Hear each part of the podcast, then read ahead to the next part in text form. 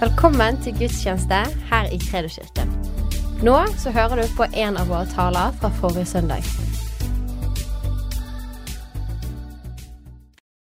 Personlig bønneliv, vet du hva? Det er det, det er det mektigste som fins her på jorden. Det er den sterkeste relasjonen du kan ha med noensinne. Det er Gud alene og du. Det er så mektig å ha kontakt med Gud. Og jeg har dykket ned i dette og forberedt meg. Og når jeg holdt på på bibelskolen og, eller satt hjemme og forberedte meg, så kjente jeg at dette er budskap til menigheten òg. Så nå skal jeg eh, komprimere dette her. Det blir ikke så lett, sant? for jeg har hatt mange timer på det. Men dere får essensen og det viktigste av personlig bønneliv. Ja. Er det noe galt her? OK.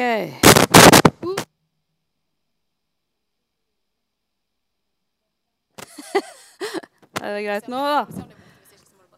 Ja, jeg kan ta en håndmikrofon òg, jeg. Men det går fint. Åh. Du, jeg skal bare først begynne litt med dette kunstverket. Fordi jeg er veldig interessert, personlig interessert i kunst. Og når jeg fikk eh, mitt gjennombrudd i 2016 Før det hadde jeg også sett på kunst, men da ble jeg sånn fortapt i forskjellige bilder som hadde med sesongen i livet mitt å gjøre. Og det første bildet jeg ble fortapt i Jeg sto i en kunstbutikk og jeg var helt, vet du hva jeg vil si, jeg var målbundet. Jeg klarte ikke å rikke meg. Jeg sto og bøkene, jeg klarte ikke å gå ifra det der bildet. Og han som Det var ikke han som eide butikken, som var det, det var en som var leid inn. Ja. Han sa det OK, vi tar den der og der.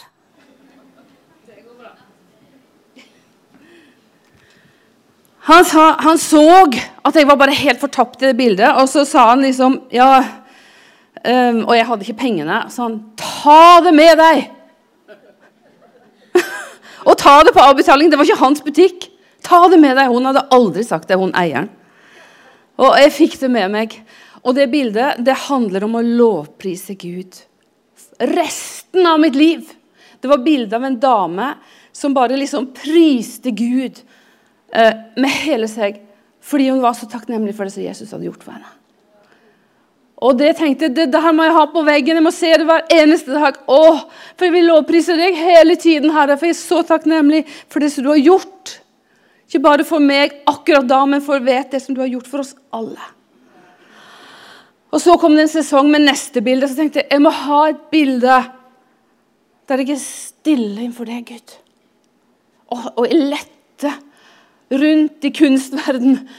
Og jeg, måtte ha et ansikt som så ut, vekk fra noe, men bare på Gud. I stillhet. Og så fant jeg det òg. Og bare fikk det opp på veggen. Så var de to viktigste bildene. Og så begynte forbønnens tjeneste å ta meg. Sånt. Noe så voldsomt. Og da var det dette herre. den, den, den bortkomne sønnen som kommer tilbake. Hvor vi er kalt til å dra på mennesker med våre bønner og med våre liv. Og Da må jeg ha dette bildet foran meg, så bare ser at Faderen han står med åpne armer og venter på barna skal komme. Barna skal komme. Men vi trenger hjelp. Vi trenger englene, og vi trenger å be for, for disse som skal komme til Gud.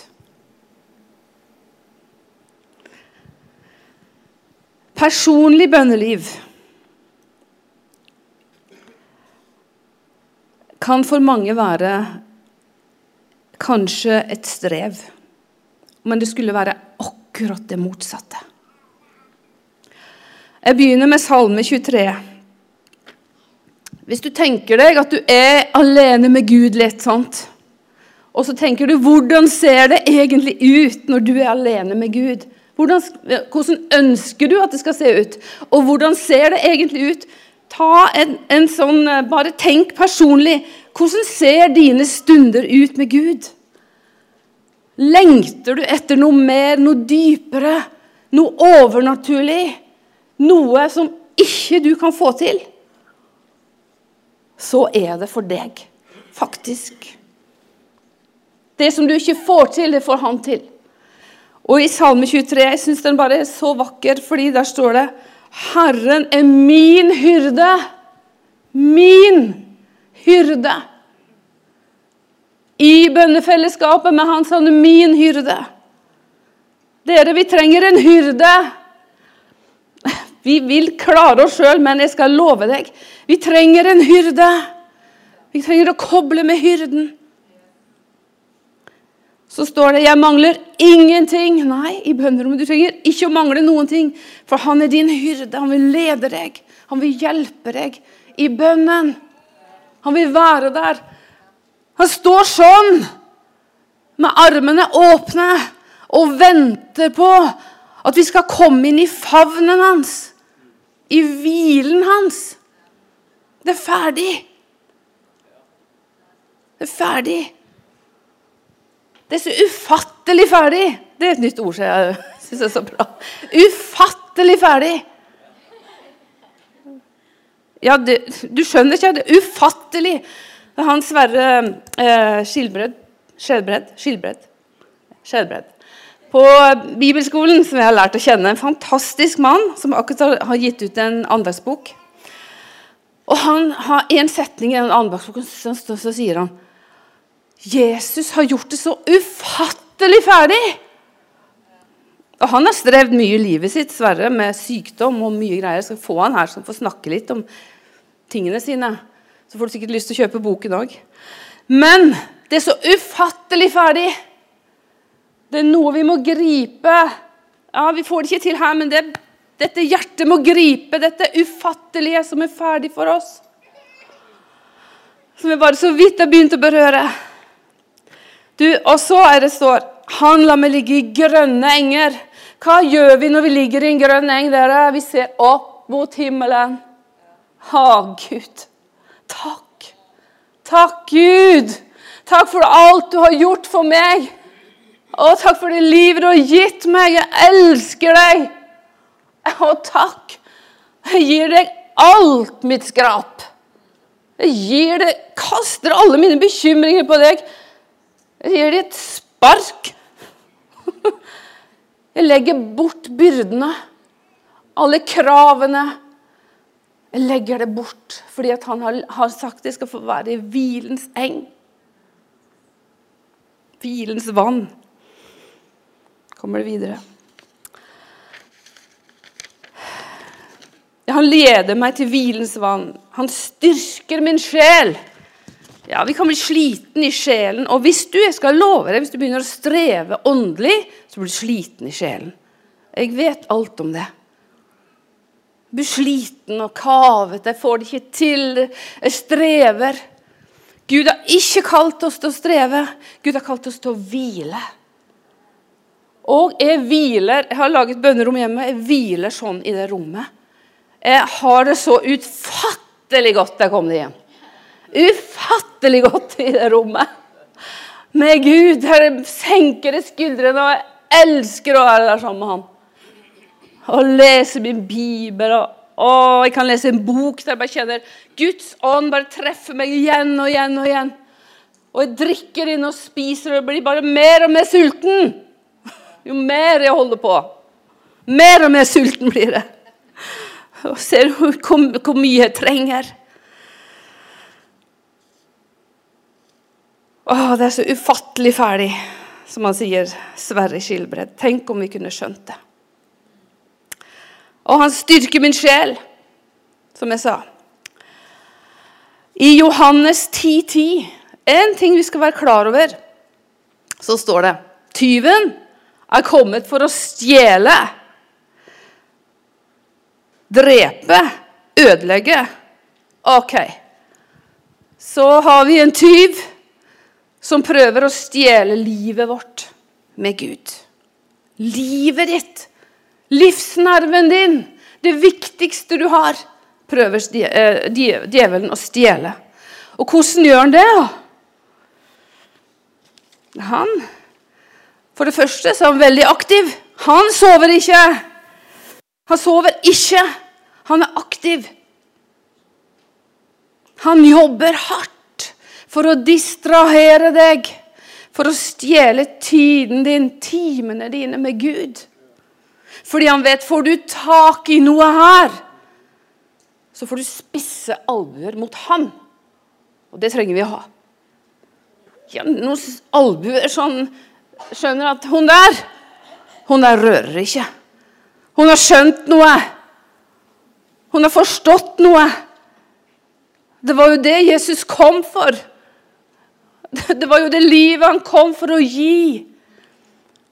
Den herven, den, det som han viste oss når han var her, det var det livet som vi skulle leve, ikke sant? Og vi blir aldri tilfredsstilt 100% før vi begynner å gå etter han i den retningen. Og du må sette deg i bevegelse. Du må begynne å gå. Takk, Herre. Du må.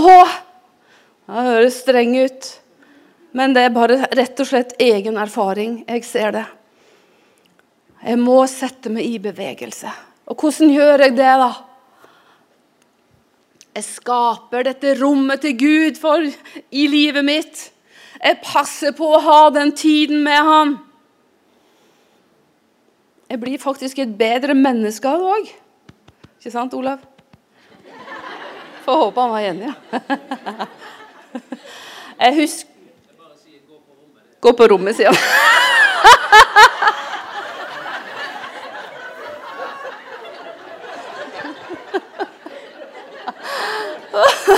Ja.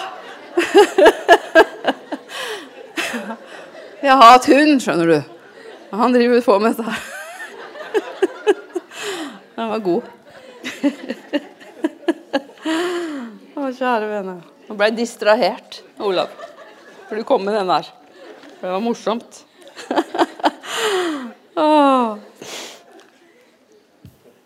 Du, Han vil stjele tiden, og så vil han også sette spørsmålstegn med ditt forhold til Gud. Så vil han si du får det aldri til. Det kommer ikke til å funke for deg. Det funker for de andre, men for det går det ikke. Du får det ikke til. For du har det sånn og sånn og sånn. Løgntanker. Hva gjør de med oss? De dreper troen vår. Og det som vi holder så fast på, det som vi behøver. Så han sa til Eva i Edens hage Har Gud virkelig sagt? Ja, vi er så heldige at vi har hele den boken her. Den mest fantastiske boken i hele verden. Den er det mye mat i. den. Å, kjære folk. Det er så mye måltider i denne boken her. Har du oppdaget det? Har du skjønt hva så dette her er for noe? Åh, ja. Så begynn å lese ut Bibelens ord høyt hjemme for deg sjøl. Og begynn å tale det ut. Så begynner du faktisk å tro det sjøl òg. Så blir det ikke bare ord, men da kommer livet fra et ord inn i systemet ditt. Så blir det forvandling. Forvandling i livet.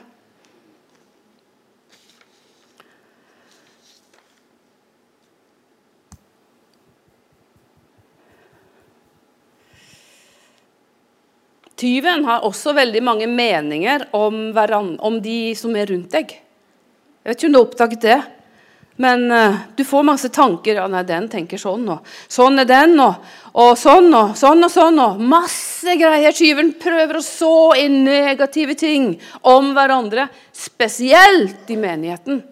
Han er ekspert på det. Hvorfor? For å skape splittelse. Han elsker splittelse. Han jobber hardt for at det skal bli splittelse i en menighet. Du skal våke over ordene dine. Fordi plutselig så merker du det ikke engang, men du er plutselig blitt enig med djevelen. Du, du, du ville jo egentlig ikke det, for du skjønte det egentlig. Men plutselig så var du enig med han. Ja, den personen der, altså.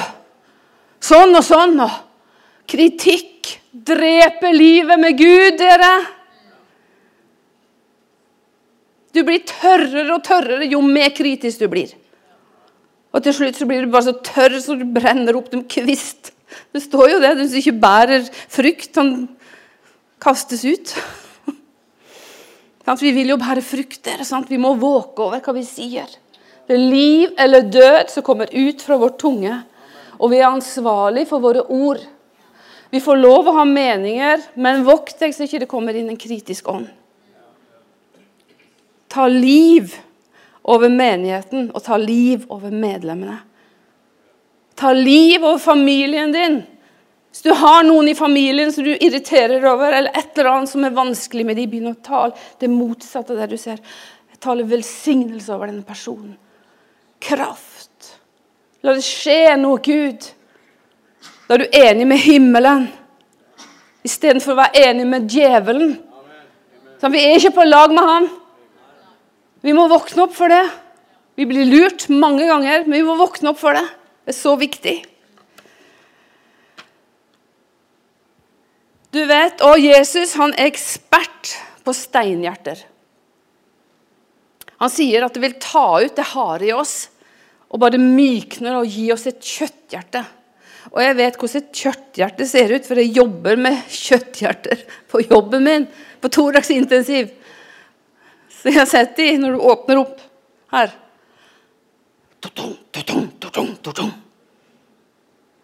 Det banker. Det banker. Og det skaper liv i hele kroppen. Stopper det, så det er helt dødt. Det banker. Og vi må ha liv. Men jeg er kommet for å gi dere liv, sier Herren. Liv og overflod. Og vi må koble på denne liven. Til livet med Gud. Har du noen gang fått et sånt skikkelig uh, støkk i deg? At du plutselig bare det er sikkert alle har fått det sånn, du bare Hele kroppen på en måte Det kunne være at du var i en kollisjon, eller du gjorde nesten noe galt. Du kjenner du vil nesten besvime fordi Så hele kroppen ble på en måte påvirket. Det fysiske. Men det vi trenger, dere, det er å bli merka av Gud. Så at vi hele oss er Å, Gud. Å, Gud. Uten meg er jo ingenting. Og vi trenger å få denne oppvåkningen der virkelig Gud får tak på oss.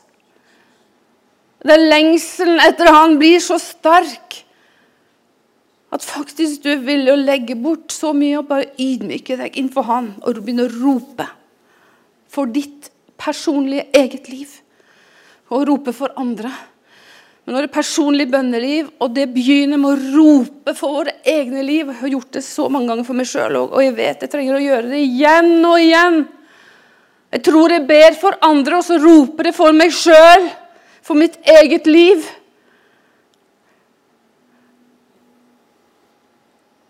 For jeg vet at når jeg blir full av Gud, da er det det som kommer ut. Da kan jeg gjøre noe som jeg ikke kunne gjøre i meg sjøl.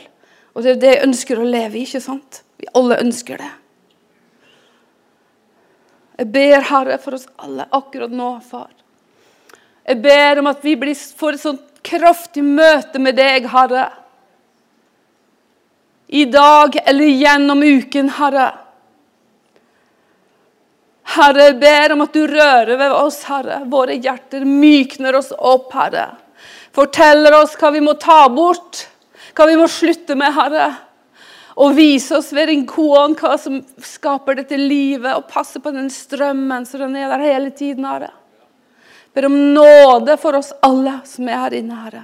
Nåde for hvert eneste menneske som er her, Fader. Ber om nåde, Herre. Nåde for våre liv, Far. Jesu navn.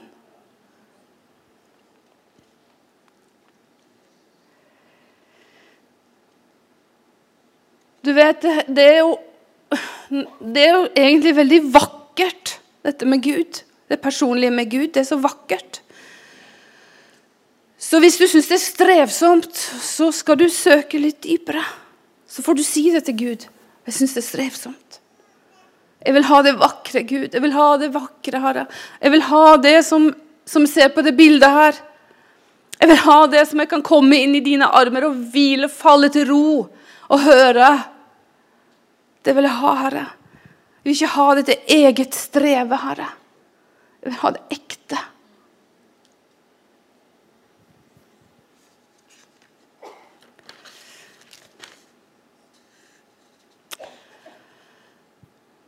Og det som òg er en ting, er jo det at det, det er ingen i hele verden nå er ufattelig Nå begynner jeg med det ufattelig viktig, dette her som jeg sier nå. Hør etter. Ufattelig viktig. Det er ingen i hele verden som kan ta den plassen som Gud har i livet ditt. Det er absolutt ingen som kan ta den plassen. Så hvis ikke du benytter deg av den plassen som du og Gud har, det er ingen som kan gi deg det som han gir. Men det som skjer hvis du løper litt bort fra Gud, det er at du begynner å fylle opp livet ditt med alt mulig for at ikke du skal bli så urolig. For det er slitsomt å løpe ifra Gud. Det er krevende å løpe fra Gud. Men vi er kalt til å løpe inn i favnen hans. Og det er så vakkert å være der. Det er så å komme hjem. Og eh, jeg husker jo Kjersti og Erik bodde hos oss er noen, mange år siden. Det var når de var på misjon. Og eh, Olav var jo i hvile, jeg var i strev. Men så var Kjersti og Erik der, og tidlig om morgenen så kom jeg opp. Skulle ordne noe frokost, og sitter hun i kroken på sofaen med Bibelen. Hele hun stråler. Hun har sin personlige tid med Gud. Og jeg liksom gløttet bort. Går det virkelig an å ha et sånt liv? Jeg er også misunnelig på det livet som hun hadde. Jeg bare kjente at det bare, det bare traff meg. Jeg kommer aldri til å glemme det. for Det, bare, det var bare noe som bare traff meg der. Som, det var en lengsel som jeg hadde, som jeg ikke var i. For jeg strevde. Men hun var bærer av det. For hun har tatt dette steget ut og brukt denne tiden med Gud, som fikk henne til gjennombruddet.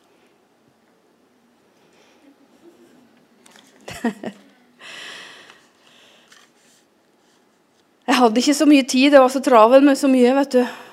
Så, men hun hadde mer tid, og det ga en frukt.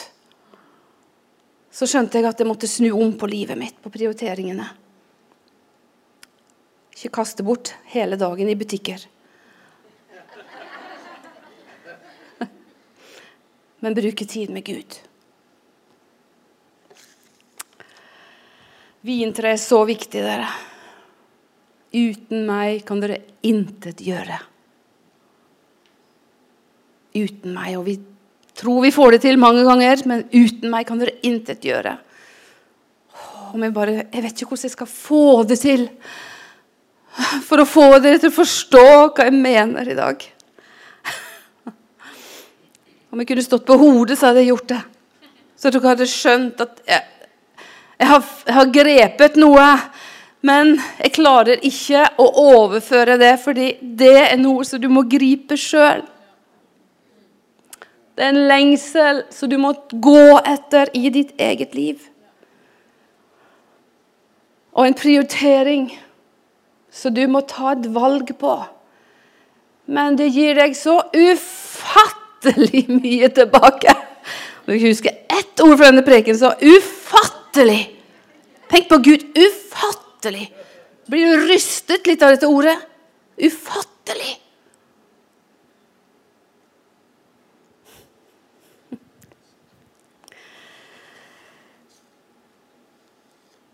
I bønnerommet mitt så tenkte jeg skulle bare si litt hvordan det ser ut noen ganger der. Fordi jeg lurte aldri på det før, egentlig. Jeg tenkte ikke over det engang. Jeg bare fikk merke at Kjersti og Olav de hadde noe som ikke jeg hadde. Som jeg hadde en lengsel etter. Så når jeg sitter for meg sjøl, så kan jeg bare sitte helt stille. Og bare liksom Åh, takk, Gud, jeg elsker deg. Å få være her med deg. Meg og deg, Gud. Wow, for et privilegium. Audiens hos deg høre hva du har å si. Å, Gud. Åh. Noen ganger så kommer hendene opp i tilbedelse. Andre ganger så leser jeg Bibelen. Og så bare kjenner jeg når jeg leser det, bare kraft Den bare treffer meg for hvert ord jeg bare leser, og jeg spiser det. Og takk, Gud, for dette levende ordet. Jeg elsker det. Jeg ville dø uten. Så kan jeg be en bønner på norsk. Kan jeg be bønner på engelsk. Så kan jeg begynne å synge høyt, så det ljomer. Kanskje i Den hellige ånd, eller på norsk. Så lytter jeg.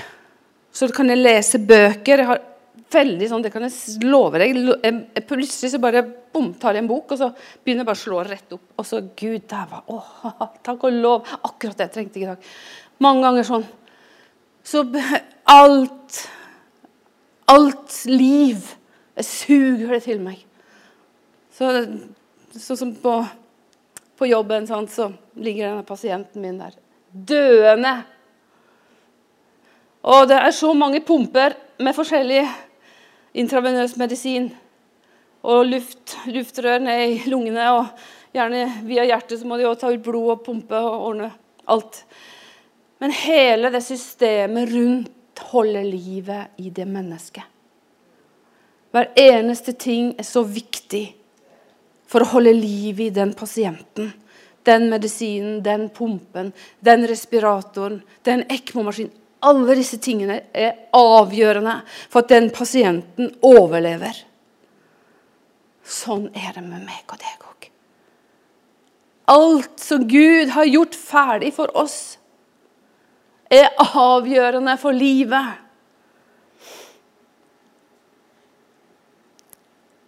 Det er avgjørende for livet.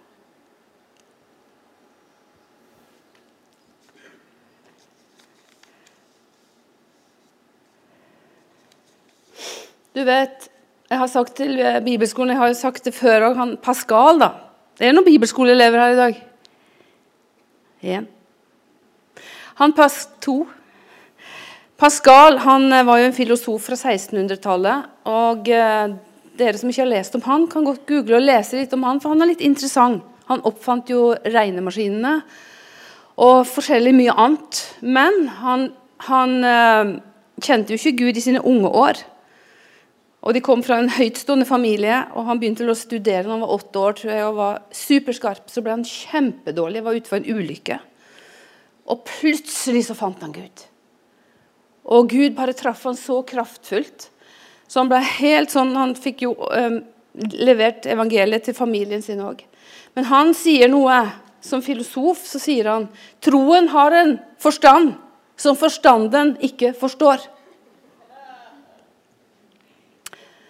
Troen har en forstand som forstanden ikke forstår.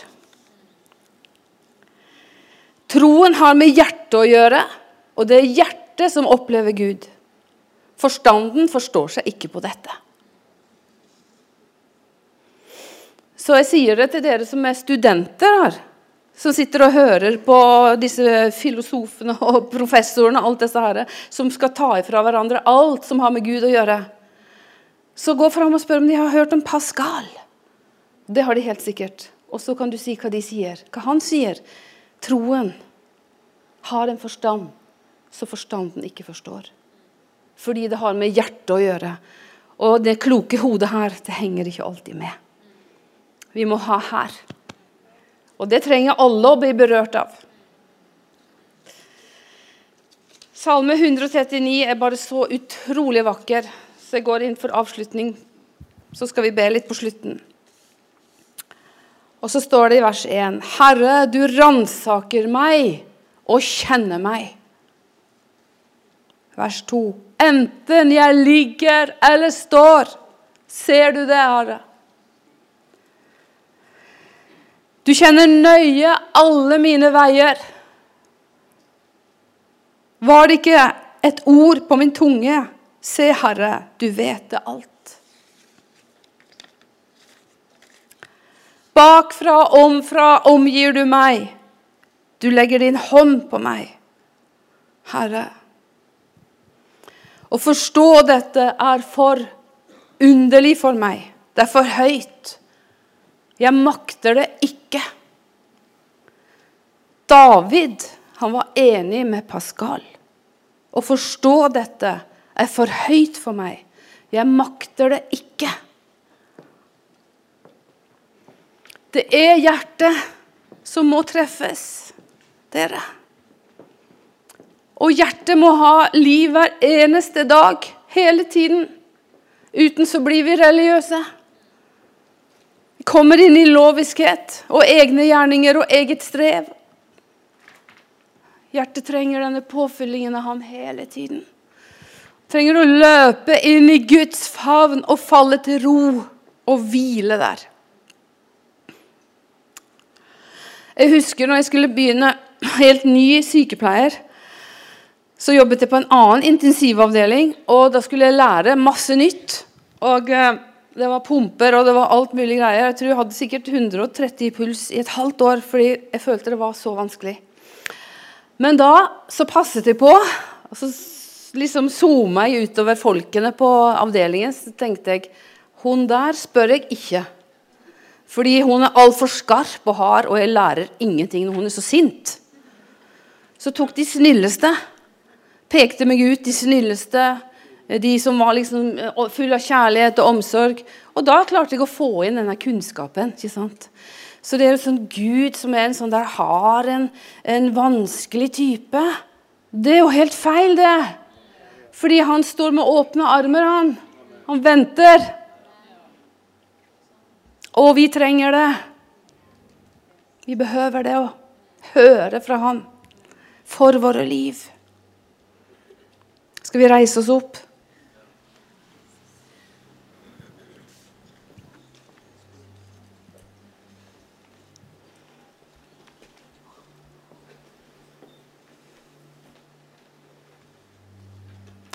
Vi hadde jo bønnekveld her forrige mandag. Eller det var denne mandagen, var det.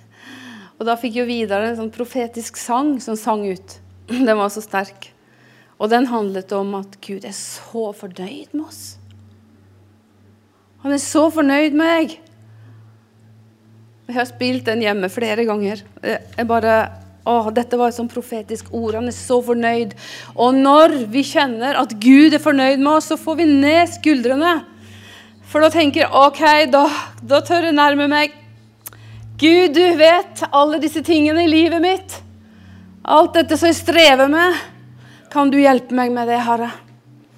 Herre, ta disse tingene her og hjelp meg. Hele mitt, hele mitt liv kan noen ganger være et rop om hjelp. Jeg, jeg, får det ikke til i egen kraft, skal jeg love deg. Og Jeg hadde et TV-intervju her for ikke så lenge siden der jeg var litt sånn, tenkte dette går jo veldig bra. liksom, Jeg har jo gjort dette mange ganger, jeg er fri fra frykt og, og greier. Sant? Så nå kan jeg slappe av litt. Og umiddelbart når jeg satte meg i den stolen og skulle begynne å prate, så var det nesten så jeg ikke klarte det. Begynte å stole på min egen kraft. Ikke sant? Du vet, demonene som hadde bundet meg i 37 år, de sover ikke. De er fortsatt levende. Og når de hører mitt vitnesbyrd, så skjelver de. De hater det.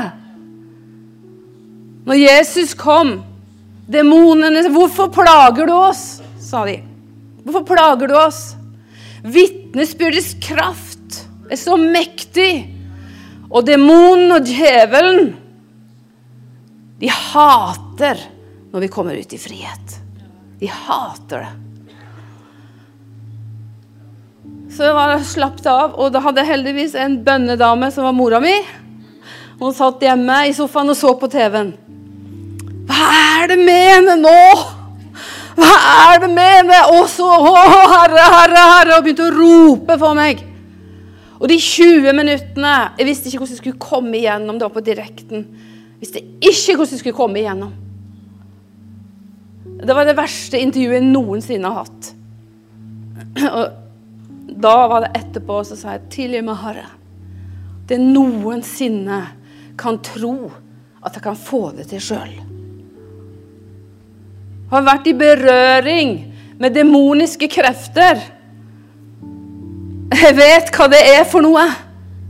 Jeg vet hvor kraftfulle de er, og hvor de prøver seg. Og det er ikke bare på mitt liv, men de prøver seg på oss alle. Men vitnesbyrdets kraft må ut.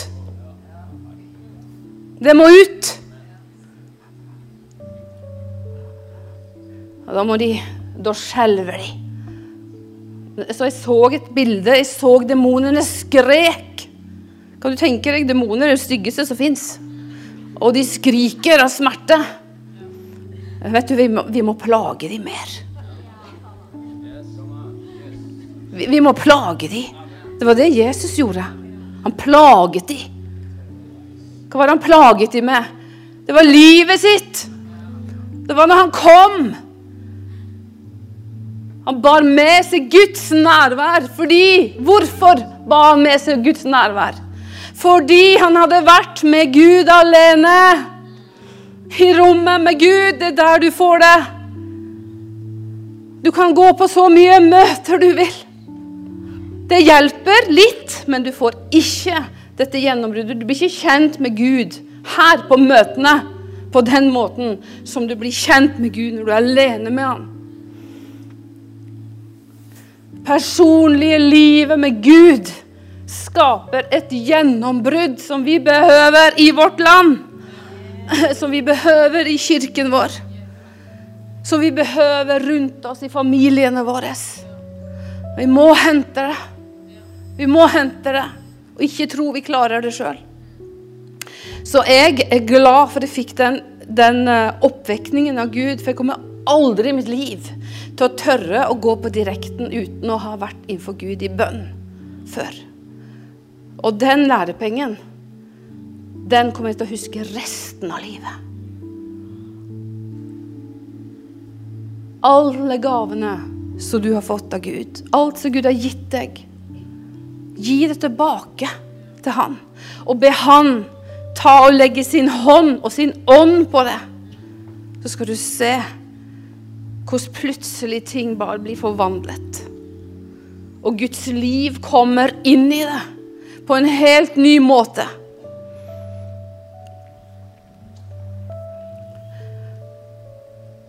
På bursdagen min jeg ble, ja, Forrige gang jeg hadde bursdag, så satt jeg ute i april. Og så satt jeg i en sånn deilig gyngestol, så sa jeg til Herren Har du et ord? Få et ord. Og så hørte jeg Gud står de stolte imot men de ydmyke gir han nåde. Takk, Herre. Gi meg nåde til å ikke være stolt. Herre, gi meg nåde til å være ydmyk. Det er det, det det handler om. Ikke nedtrykt. Vet du hva det vil si å være ydmyk? Det vil si å løfte hendene og bare se opp mot himmelen hele tiden. Og bare glemme alt. Å, jeg er ydmyk for er Gud, for jeg vet det du som er alt. Det er du, Herre. Det er du. Du alene. Det er det som er å være ydmyk. Vi tror å være ydmyk er liksom aldri tørre noen ting og alt dette her. Nei, det å koble seg på Gud. Skjønne at det er Han, den strømmen vi trenger.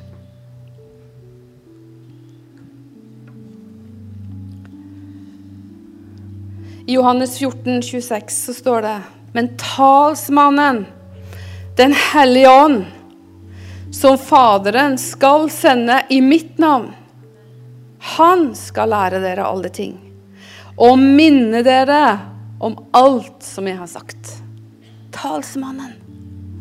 Han skal minne oss. Jeg taler ut til deg nå profetisk. Talsmannen skal minne deg om alt som Jesus gjorde på jorden. Alt som han har sagt. Alt som Jesus er. Talsmann Den hellige ånd. Åpne deg opp. For la han få tale til deg. I avslapning, i ydmykhet.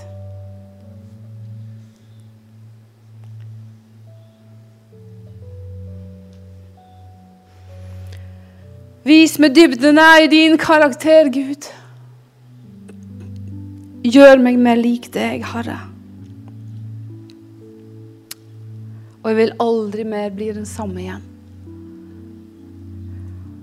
Hellige Ånd, du er læreren vår. Du er talsmannen, du er sannhetens ånd. Hellige Ånd, vis oss dybden i Gud. Vis oss det livet i Han som vi ikke ser i dag. Rør oss på dypet i våre hjerter, Herre. Knytt våre hjerter så tett til deg vi aldri, aldri tror at vi kan klare oss uten. Når stormene kommer, så står vi, Herre. Når presset kommer, Herre, så står vi fordi vi stoler på deg, Herre. Og jeg ber, Herre, for dette ordet, levende ordet, Herre, jeg ber om det skal bli liv til hver eneste en som er her i denne forsamlingen, Herre.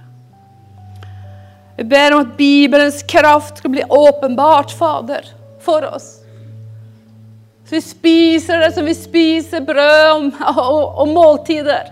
Så spiser vi dette, denne maten, dette ordet, som gir oss livet, Herre. Jeg ber om dette åpenbare for folket, Herre, for alle Herre Jesus. La denne boken bli så dyrebar, Herre. Og la den forvandle oss dag for dag, Herre. Lik deg. Ved din ånd, Herre. Ved din mektige ånd, Herre. Ber om det i Jesu navn. Jesu navn. Jesu Kristi navn. La oss bare stå litt innenfor Gud.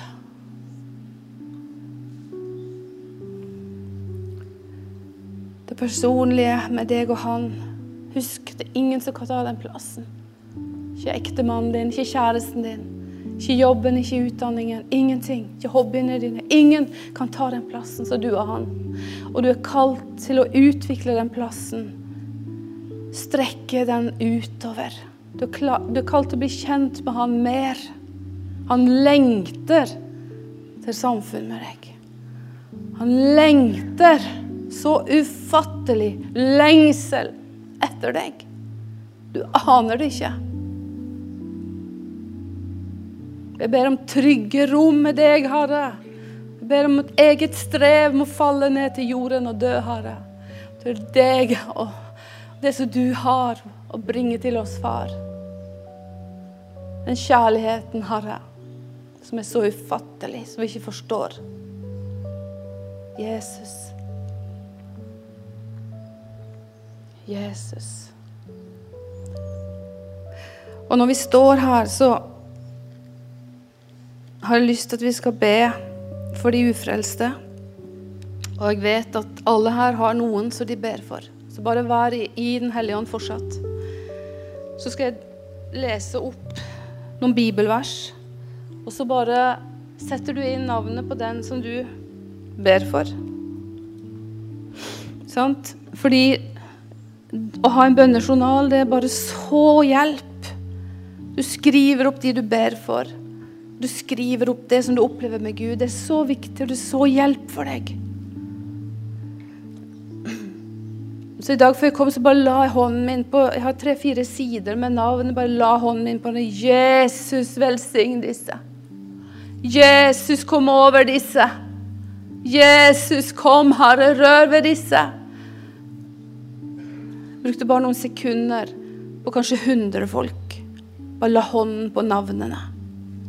Har du det skrevet ned, så det er så mye enklere å følge det opp.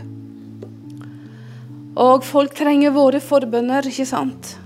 Du vet, fordi at han kom hjem, det var jo fordi at Faderen ropte stadig vekk og lengtet og ventet på at han skulle komme. Ikke sant? Han var jo speidet etter han. Og forbønner. Forbønner drar folk inn til Gud. Forbønner rører ved hjerter. Så nå ber jeg ut denne bønnen. Det er ni bibelvers som er litt forkortet på et sånt kort. Så tenker du på den som du ber for. Så tar vi denne, stund, denne hellige stunden med Du får sette deg hvis du vil. Far i himmelen. Du elsker alle mennesker så høyt. Du sendte din sønn for at ingen skal gå fortapt, men skal bli frelst og motta evig liv. Det er din hensikt at mennesker skal søke deg og finne deg fordi du er nær hvert eneste menneske. Far i himmelen, kall på ham og dra ham til deg. La din Hellige Ånd overbevise han om synd og behovet for frelse gjennom Jesus Kristus. Jeg ber om at han vil lytte til ditt budskap og ta imot det, ikke som et menneskeord, men som Guds eget ord. Herre, ta bort Satans forblindelse av hans sinn, og la ditt lys skinne i hans hjerte. Så han lærer sannheten å kjenne. Bryt ned alle festningsverker og enhver tanke som reiser seg opp imot kunnskapen om Gud. For du har kalt han til et nytt liv, til å tro og bekjenne Jesus som Herre. La ditt lys skinne gjennom meg, Herre, slik at han kan se de gode gjerningene jeg gjør, og gi deg ære. Du som er vår Far i himmelen. Herre, du har hørt vår bønn. Og alle, Herre, som har tanker over de som de ber for far. Vi ber nå i Jesu navn og en berøring fra himmelen. En mektig berøring fra himmelen, Herre. På hjertene, Herre. I Jesu Kristi navn. I Jesu navn. Amen. Tusen takk for at du lyttet. Følg oss gjerne på Instagram og Facebook, og så snakkes vi neste uke.